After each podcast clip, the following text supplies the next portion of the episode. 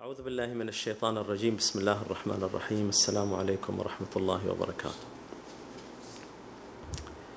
آه، نكمل الحديث في معاني الصلاة في القرآن الكريم.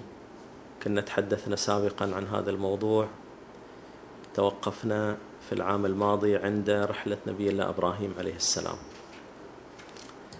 وتوقفنا بالتحديد عند آه، الآيات الكريمة من سورة الأنعام من الآية 74 إلى الآية 79 توقفنا عند الآية الكريمة اللي كانت خاتمتها لا أحب الآفلين.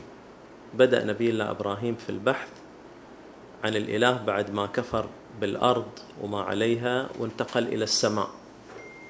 لما انتقل إلى السماء رأى كوكبا قال هذا ربي فلما أفل قال لا أحب الآفلين. توقفنا عند كلمة لا أحب الآفلين على أساس أن البحث هل هو البحث بحث عقلي أو بحث وجداني؟ فوجدنا أن الكلمة تعبر على أن في علاقة وجدانية ما بين الإنسان بفطرته وما بين هذا الإله. إحنا حابين نكمل هذه الرحلة ونربط هذه الرحلة الإيمانية مع موضوع الصلاة. ننتقل إلى الآيات الكريمة نقراها كذا ونتأمل فيها وبعدين ننتقل إلى الآية الثانية اللي إحنا آه، المفروض نبدأ فيها. أعوذ بالله من الشيطان الرجيم. بسم الله الرحمن الرحيم. وإذ قال إبراهيم لأبيه آزر أتتخذ أصناما آلهة؟ إني أراك وقومك في ضلال مبين. وكذلك نري إبراهيم ملكوت السماوات والأرض وليكون من الموقنين. فلما جن عليه الليل رأى كوكبا قال هذا ربي. فلما أفل قال لا أحب الآفلين. فلما رأى القمر بازغا قال هذا ربي. فلما أفل قال لئن لم يهدني ربي لأكونن من القوم الضالين. فلما رأى الشمس بازغة قال هذا ربي هذا أكبر فلما أفلت قال يا قوم إني بريء مما تشركون. إني وجهت وجهي للذي فطر السماوات والأرض حنيفا وما أنا من المشركين. ناخذ الآية الكريمة الآية 77 الآية تقول أعوذ بالله من الشيطان الرجيم. فلما رأى القمر بازغا قال هذا ربي. فلما أفل قال لئن لم يهدني ربي لأكونن من القوم الضالين. فلما رأى القمر بازغا شاف إن هذا الكوكب الآن أكبر وإله حضور في السماء أكبر من حضور ذلك الكوكب فتوجه إليه. الآن هذا التوجه يختلف. هذه النظرة الآن تختلف عن نظرته السابقة. لأنه جاي إلى الآن مو كباحث في الكواكب وإنما باحث في الإله في موضوع الإله. فكانه يرى الكوكب أو يرى القمر لأول مرة. فيرى القمر بازغا فيقول هذا هو ربي يتوجه إليه بقلبه. مرة ثانية يواجه نفس المشكلة. فلما أفل إذا هذه هي المشكلة اللي تواجه نبي الله إبراهيم ونبغى نركز على هذه النقطة بالتحديد الأفول. لأن اللي خلاه يترك الكوكب في المرحلة الأولى هو أفول ذلك الكوكب. الآن يعود ينشغل بهذا الكوكب الجديد لأنه بازغ وأكبر وظاهر. ولكن مرة ثانية يشوف فيه أفول فينثني ويشيح بوجهه عن هذا الكوكب مرة ثانية. ويقول لئن لم يهدني ربي لأكونن من القوم الضالين. هنا عشان يقول نبي الله إبراهيم يقول هذه الكلمة لابد أن يعتقد أن الرب الحقيقي يراه ويسمع شكواه ويسمع مناجاته. وإلا ما راح يقول هذا الكلام. لئن لم يهدني ربي إذا هو مطلع علي الآن ويعرف ما أنا فيه من حاجة ويعرف ما أنا فيه من حيرة وهو الذي يستطيع أن ينتشلني من هذه الحيرة.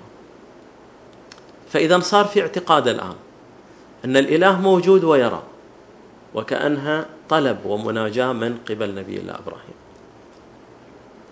وطبعا إحنا في هذه القضية في تعاملنا مع قضية نبي الله إبراهيم في هذا الموضوع نتعامل مع الفائدة من القضية لا نتعامل مع حقيقة أو ما هو ما وراء أو الحيثيات الأخرى المتعلقة بهذه القصة. ولكن نأخذ الفائدة. نريد أن نتعلم من هذه القصة كيف نتعلق بالله عز وجل أو كيف يكون مسارنا نحو الله عز وجل. انتقل بعدها إلى الشمس. فلما رأى الشمس بازغة قال هذا ربي هذا أكبر. فلما أفلت قال يا قوم إني بريء مما تشركون. مرة ثانية رأى الشمس بازغة.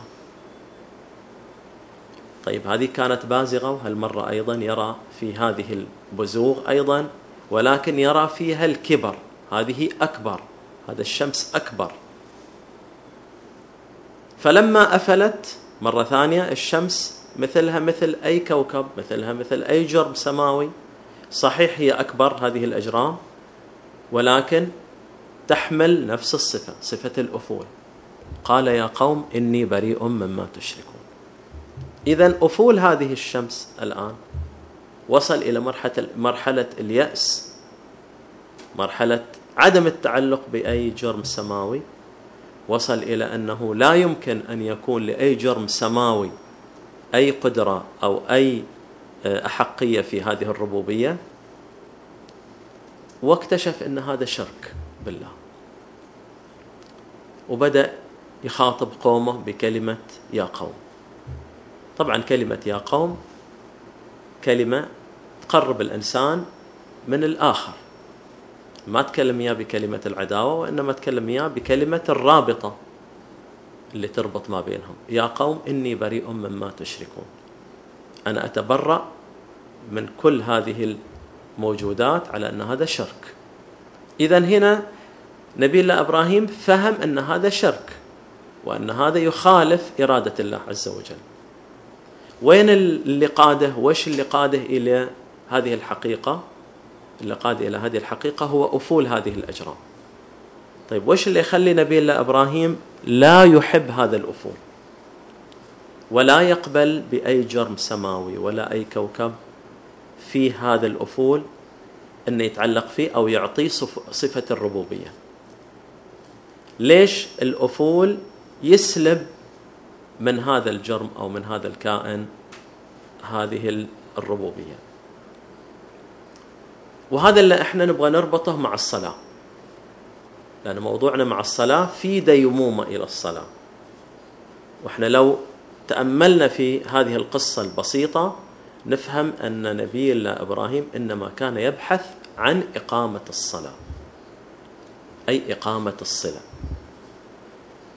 وش اللي يخليه يبغى يقيم الصله نرجع إلى كلمة لا أحب.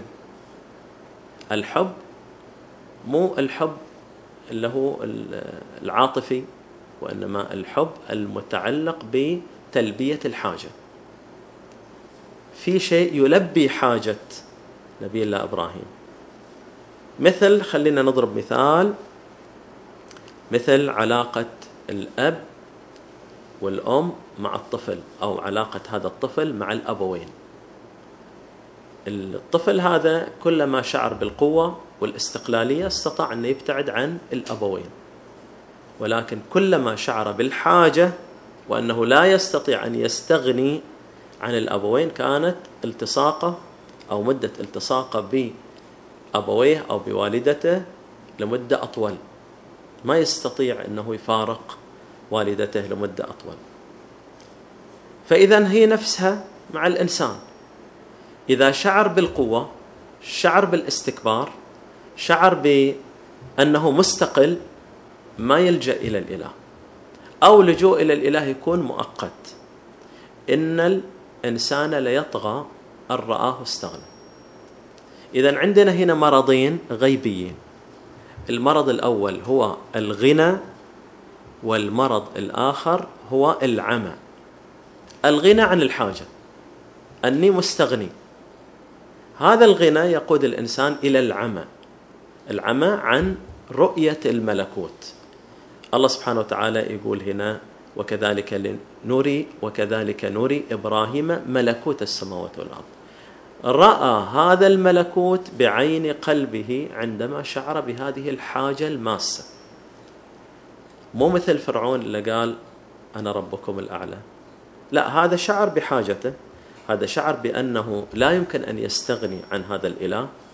فبحث عن إله دائم لا يأفل لأن المنقطع معناته تنقطع معاه الصلاة.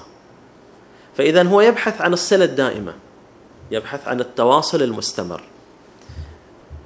وهذا اللي إحنا نبغى نربطه الآن مع الصلاة. عشان نربطه مع الصلاة ندخل في حاجة نسميها خارطة العبودية.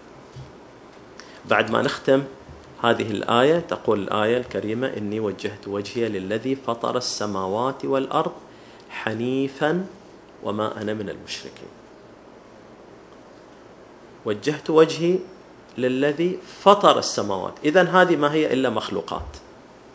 هذه مملوكات.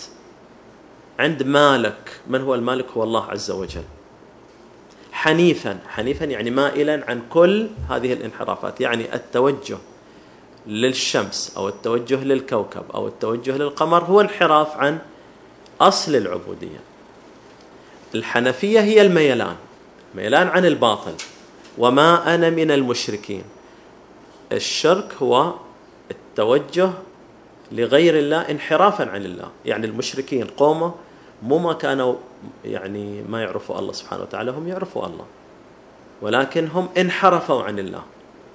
هذا الانحراف يسميه نبي الله إبراهيم هنا شرك والوقوع في الشرك معناته هو عدم التوجه التام إلى الله سبحانه وتعالى، عدم الشعور بحاجة الله عز وجل. خلينا نشوف خارطة العبودية اللي إحنا تكلمنا فيها. متى الإنسان يتوجه لله بالكامل. كل إنسان له توجه ولكن بحجم بحجم شعوره بحاجته نقصا. عندنا علاقة عكسية ما بين الأنا والإله. وين الإنسان يشوف نفسه؟ وين يشوف حاجته؟ إذا كانت الأنا عند هذا الإنسان مؤقتة حاجته مؤقتة فهو راح يلجأ إلى أيضا إله مؤقت ولذلك راح يسقط في الصنمية. أما إذا كانت حاجته دائمة ومستمرة فهو راح يبحث عن العلو إذا بمقدار حاجة الإنسان يزداد التعلق. وبمقدار حاجة الإنسان ينتقل الإنسان من مرحلة إلى مرحلة ثانية. إذا وصل الإنسان إلى أنه يشعر بحاجة دائمة غير منقطعة فراح يلجأ إلى الغيب. آه هنا لابد أن إحنا نعرف ليش الإنسان يلجأ إلى الغيب في هذه الحالة. إذا كانت حاجته دائمة يعني صلاته غير مؤقتة. وإذا كانت صلاته غير مؤقتة يعني ارتباطه صلته ارتباطه وصلته غير مؤقتة وإنما دائمة إذا شاف إله وهذا الإله محجوب بالمكان اللي هو فيه. يعني إذا كان وجد في مكان فهو يخلو من مكان آخر. إذا وجد هذا الإله في زاوية معناته في زاوية ثانية راح يخلو منه ولذلك من البداية نبي الله إبراهيم رفض الأرض لأن الصنم محدود بمنطقة جغرافية. لجأ إلى السماء. السماء لأن الإله أو الجرم اللي موجود في السماء يعني يشوف الجميع يعطي الجميع يشمل الجميع بالعطاء والرعاية. ولكن عند أفول هذا الكوكب شعر بأن هذه الصلة مع الصلة معه غير دائمة.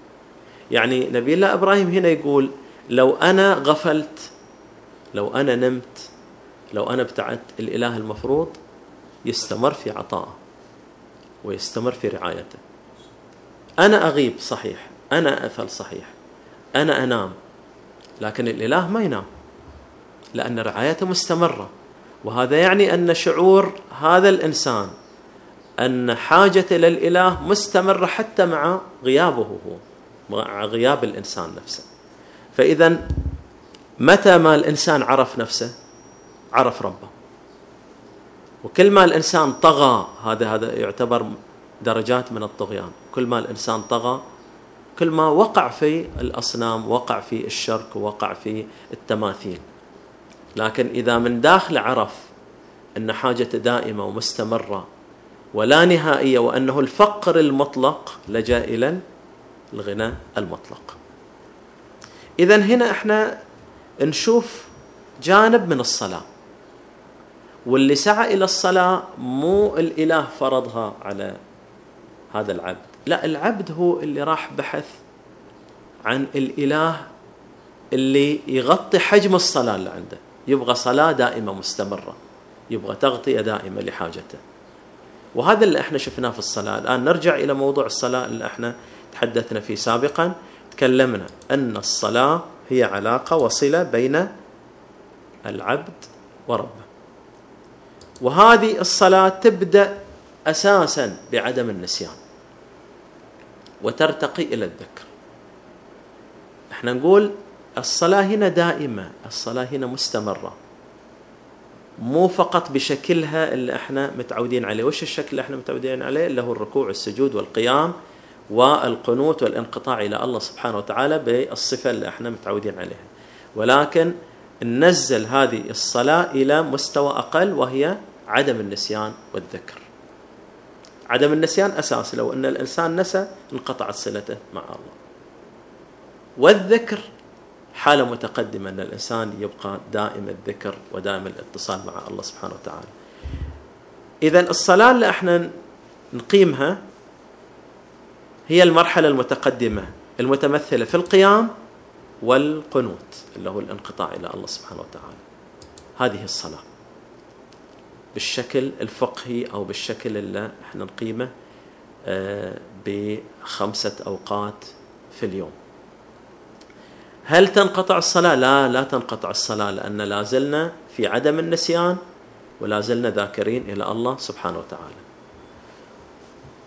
ما الذي يربط هذا التعريف بما وجدناه عند نبي الله إبراهيم؟ أن نبي الله إبراهيم بحث عن إله دائم الاتصال. وإذا قلنا أن الإنسان هو الذي بحث إذا نقول أن الحاجة عند الإنسان في دوام الاتصال. أصلها عند الإنسان وليست فرض من عند الله سبحانه وتعالى. فالقرآن عندما يتحدث عنها أنها دائمة على أساس أن الإنسان هذا دخل إلى إلى الله سبحانه وتعالى وعرف ربه بعد ما عرف نفسه حق المعرفة. يعرف نفسه حق المعرفة ثم ينتقل لمعرفة هذا الإله. بعدين معاني الصلاة ومفاهيم الصلاة تنطبق على الفترة اللي موجودة عنده بأنها صلاة دائمة ومستمرة ولا انقطاع لها. طبعا هذا الكلام إن شاء الله يكون له آه، تواصل بإذن الله. نكتفي بهذا المقدار وإن شاء الله نكمل في الحلقات القادمة. والسلام عليكم ورحمة الله وبركاته.